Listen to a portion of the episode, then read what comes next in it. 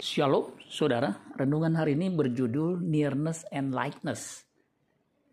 Filipi 2 ayat 5. Hendaklah kamu dalam hidupmu bersama menaruh pikiran dan perasaan yang terdapat juga dalam Kristus Yesus. NIV mengatakan demikian.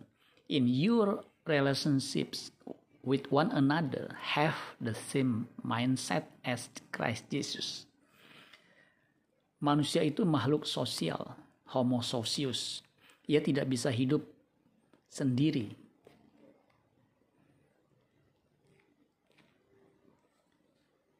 Atau soliter dan terisolasi, melainkan secara bersama-sama atau berkomunitas saling membutuhkan satu sama lain. Jadi manusia harus ada di dalam suatu komunitas, bukan di dalam kerumunan saja. Orang yang suka menyendiri sangat berbahaya. Amsal 18 ayat 1, orang yang menyendiri mencari keinginannya, amarahnya meledak terhadap setiap pertimbangan. Firman Allah yang hidup Amsal 18 ayat 1 dikatakan orang yang mementingkan diri sendiri melanggar tata krama dengan menuruti kehendaknya sendiri.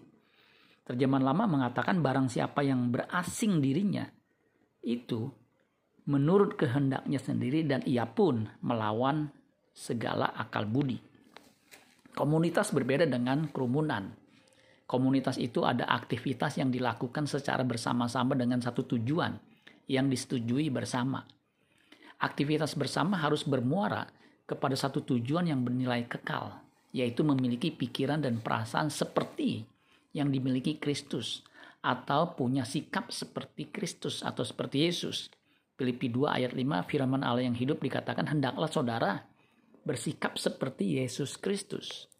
Jadi kedekatan atau nearness kita dengan orang lain atau kebersamaan kita dengan orang lain baik di rumah maupun di gereja bahkan di kantor sekalipun harus menggiring kita kepada keserupaan dengan Kristus atau memiliki attitude seperti yang dimiliki Kristus. Terjemahan net mengatakan Filipi 2 ayat 5, you should have the same attitude toward one another that Christ Jesus had kamu hendaknya memiliki sikap yang sama terhadap satu sama lain seperti yang dimiliki Kristus Yesus. Matius 20 ayat 28 Living Bible mengatakan begini, Your attitude must be like my own. For I, the Messiah, did not come to be served, but to serve and to give my life as a ransom for many.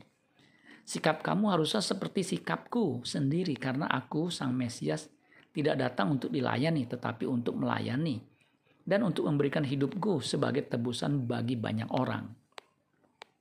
Sehubungan dengan goal atau target kita ini, maka kita harus bersikap selektif dalam bergaul dengan orang lain. Amsal 20, 12 ayat 26 New King James Version mengatakan begini. The righteous should choose his friends carefully, for the way of the weak leads them astray.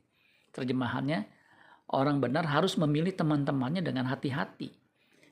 Karena jalan orang fasik menyesatkan mereka. Kita harus berani membatasi diri dari komunitas yang tidak membuat kita makin serupa dengan Kristus. Karena kesempatan menjadi serupa dengan Kristus hanya satu kali saja. Waktu kita hidup di bumi. Hanya orang yang serupa dengan Kristus yang berkenan di hadapan Allah. Amin buat firman Tuhan. Tuhan Yesus memberkati. Sola Gracia.